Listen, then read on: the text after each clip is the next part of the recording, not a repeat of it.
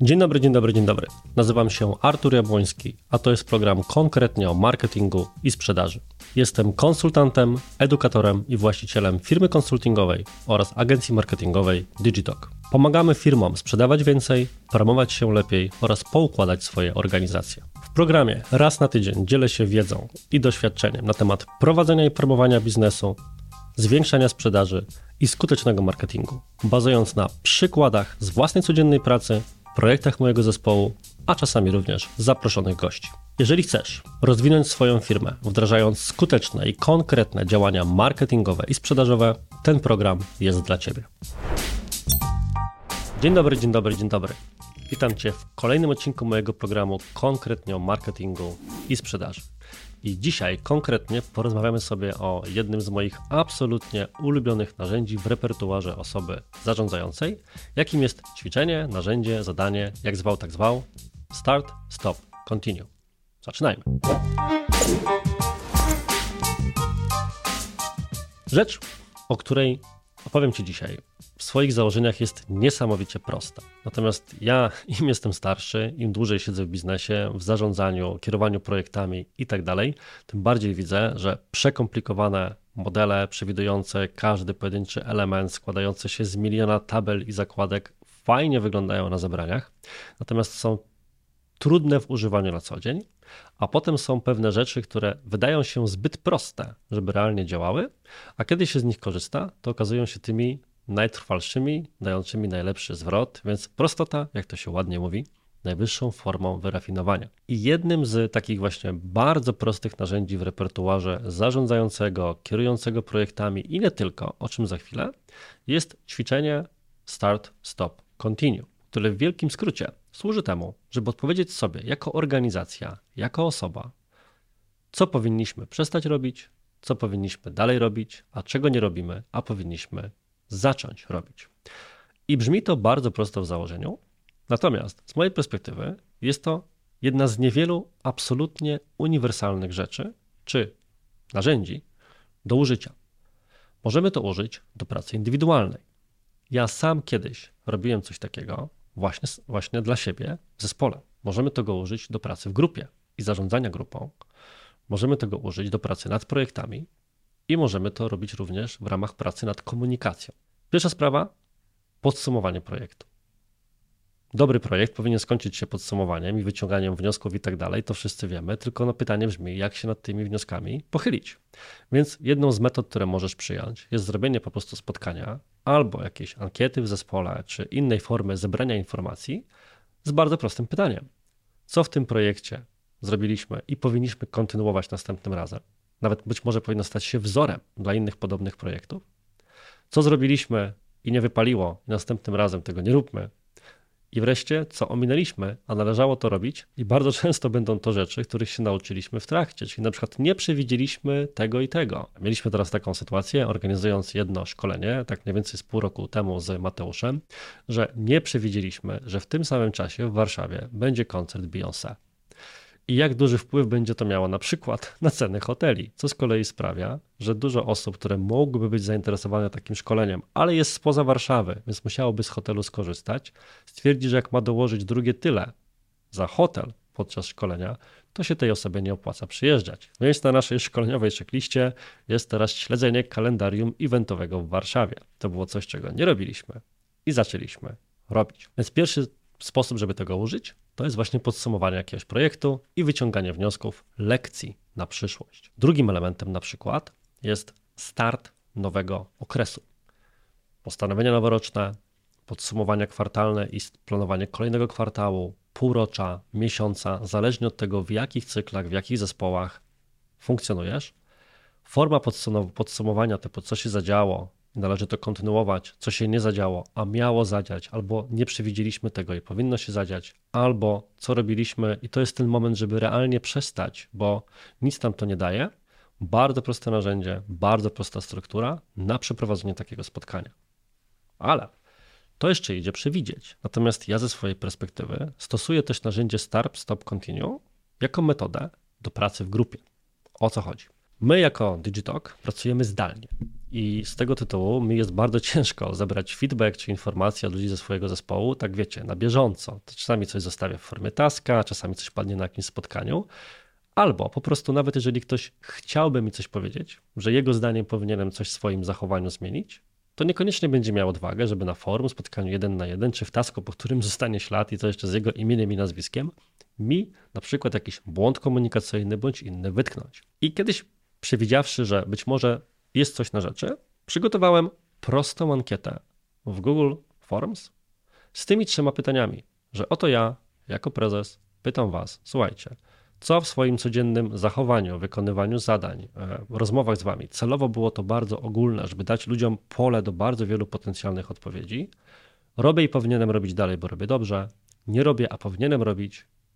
I co jeszcze powinienem przestać robić. I dzięki temu, dzięki temu była platforma, żeby wytknąć mi rzeczy, których normalnie u siebie nie zauważałem.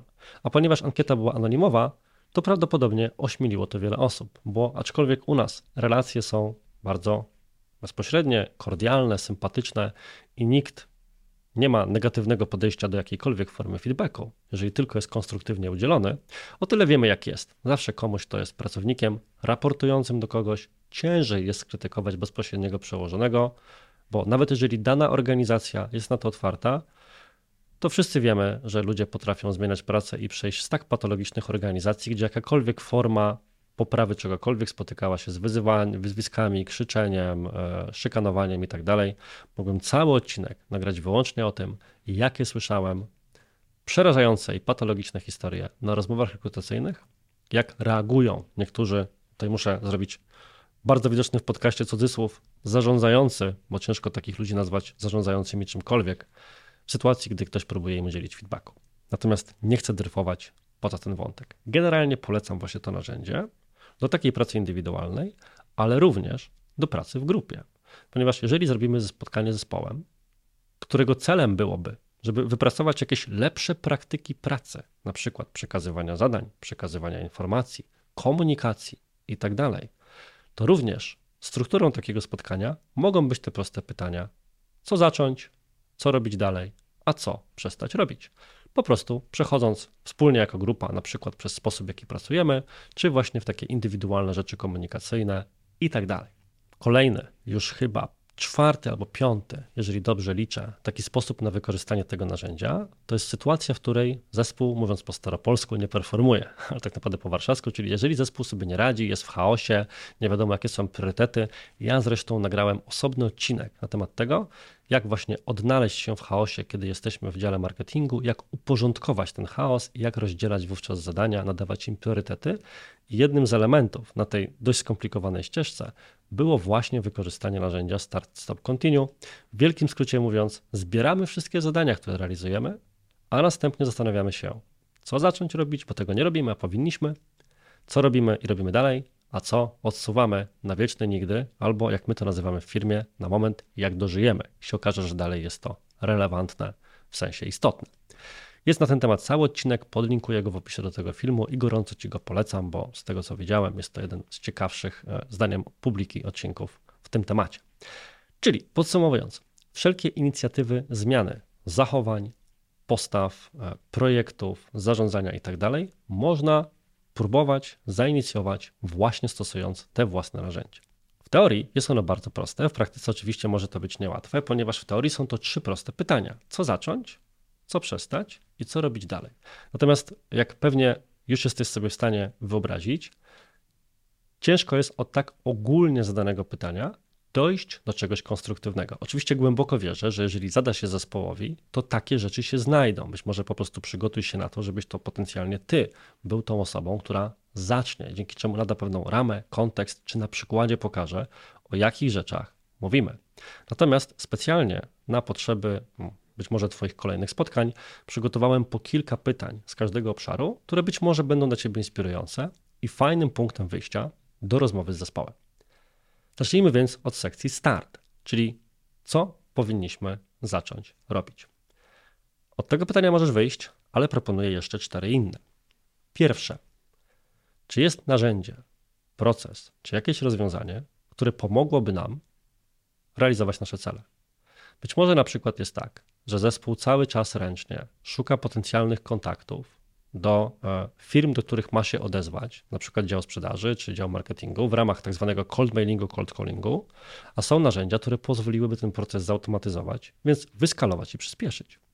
Być może na przykład jest tak, że różne dane z różnych systemów, z których korzystacie, są dalej zbierane ręcznie. Tak poruszam ten wątek automatyzacyjny, bo jest to rzecz, którą często w firmie właśnie pomagamy innym firmom wdrażać, a dałoby się ten proces usprawnić, przez co przyspieszyć na przykład obsługę klienta, odpowiadanie na pytania itd. Tak Swoją drogą, jeżeli potrzebowałbyś właśnie pomocy w tego typu automatyzacji procesów, marketingu czy sprzedaży, to gorąco zachęcam. Mamy bardzo mocny zespół automatyzacją się zajmujący w Digitalk, więc napisz po prostu do nas, pogadamy, jak możemy Ci w tym pomóc.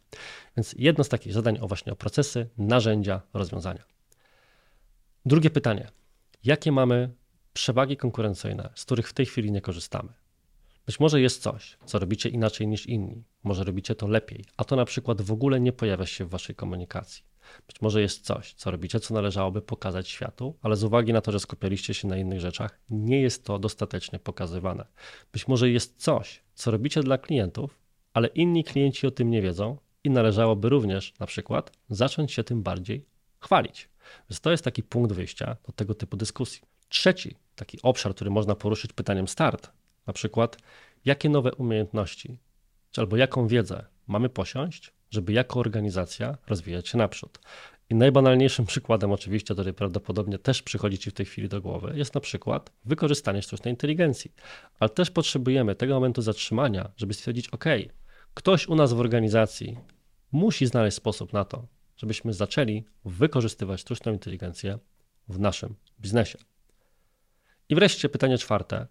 Czy być może są jakieś nowe cele czy zadania, które powinniśmy sobie wyznaczyć, inne niż te, które realizowaliśmy do tej pory, albo takie, które będą funkcjonowały obok nich? Więc te cztery pytania z różnych obszarów, od kierowania projektami po obszar wiedzowy, po konkretne rzeczy do wykonania, mogą pomóc Ci ustrukturyzować dyskusję wokół tej pierwszej części, czyli start. Uff, pytanie numer dwa. Co powinniśmy przestać zrobić, czyli sekcja stop. Tutaj też mam kilka pytań, bo przeważnie jest tak, że właśnie ta sekcja wymaga tak naprawdę najwięcej pracy. Więc pierwsze z takich pytań brzmi: co w tej chwili e, zabiera, wyciąga, zakłada, że po prostu wyciąga z nas dużo zasobów i dużo energii, a nie daje wystarczających wyników. Być może jest na przykład tak, że bardzo dużo czasu poświęcamy na publikowanie treści w mediach społecznościowych albo na działania e, prospectingowe na LinkedInie, a akurat u nas w obecnej formie one się nie sprawdzają. I próbowaliśmy już wielu rzeczy, żeby to usprawnić, i to nie działa, a zajmuje dużo czasu. Więc w takim razie zatrzymajmy to. Spróbujmy zrobić w to miejsce coś innego, albo totalnie zmieńmy podejście do tego procesu, czyli przestańmy to robić w ten sposób. Znajdźmy na to inny sposób, bo inaczej będziemy biegać z pustą taczką, czyli właśnie bardzo częsta rzecz. Drugie pytanie z kolei tak jak się w pierwszym bloku zastanawialiśmy, czy istnieje jakiś proces czy narzędzie, które powinniśmy zacząć wykorzystywać, to teraz per analogiam możemy się zastanowić, czy istnieje coś, co wykorzystujemy, na przykład jakieś narzędzie, ale które nie daje założonych rezultatów. Bardzo często na przykład jest to system CRM, który wybraliśmy trochę na hura na podstawie pierwszego wyniku Google'a. Nikt tego dobrze nie skonfigurował, nikt tego dobrze, na przykład handlowców z tego nie przeszkolił i finalnie jest to rzecz nieużywana. Albo daliśmy się namówić na narzędzie do automatyzacji marketingu i ono po prostu jest zainstalowane, i na tym moglibyśmy skończyć. Po prostu jest, ale ani nie przynosi wyników, ani nikt za bardzo nie wgryzł się w jego możliwości, żeby je rozwinąć. I swoją drogą, jeżeli właśnie z tego typu automatyzacją albo CRM-ami, CRM-ami potrzebujesz pomocy, to też do nas zapraszam. Mamy i pomysł oraz ofertę na to, jak właśnie pomóc organizacjom więcej z tych narzędzi wycisnąć albo w ogóle wdrożyć je w swojej organizacji. Dalej, czy są jakieś zachowania grupowe, które powinniśmy przestać robić, tak jak mówiłem właśnie wcześniej, odnośnie po prostu relacji w grupie. Bo na przykład ktoś powie, wkurza mnie, że pingujesz mnie co tydzień, czy wykonałem już to zadanie, zamiast sprawdzić to w raporcie, który był do tego celu przygotowany. Nie po to kazałeś mi przygotowywać raport, który ja sumiennie wypełniam co dnia, że zamiast do niego zajrzeć, to ja teraz i tak muszę w tym momencie odpowiadać na Twoje pytania, co odrywa mnie od bieżącej pracy. Scenariusz taki dość ostry, ale załóżmy, że coś takiego również mogłoby się w Twoim zespole pojawić, więc jest to sposób na wyczyszczenie przedpola i jednocześnie oszczędza zarówno czas pingowanego, jak i pingującego i zmienia proces działania w zespole. Kolejne na przykład pytanie, które można byłoby sobie zadać, to co nas najbardziej, skoro przy tym jesteśmy, odrywa od roboty.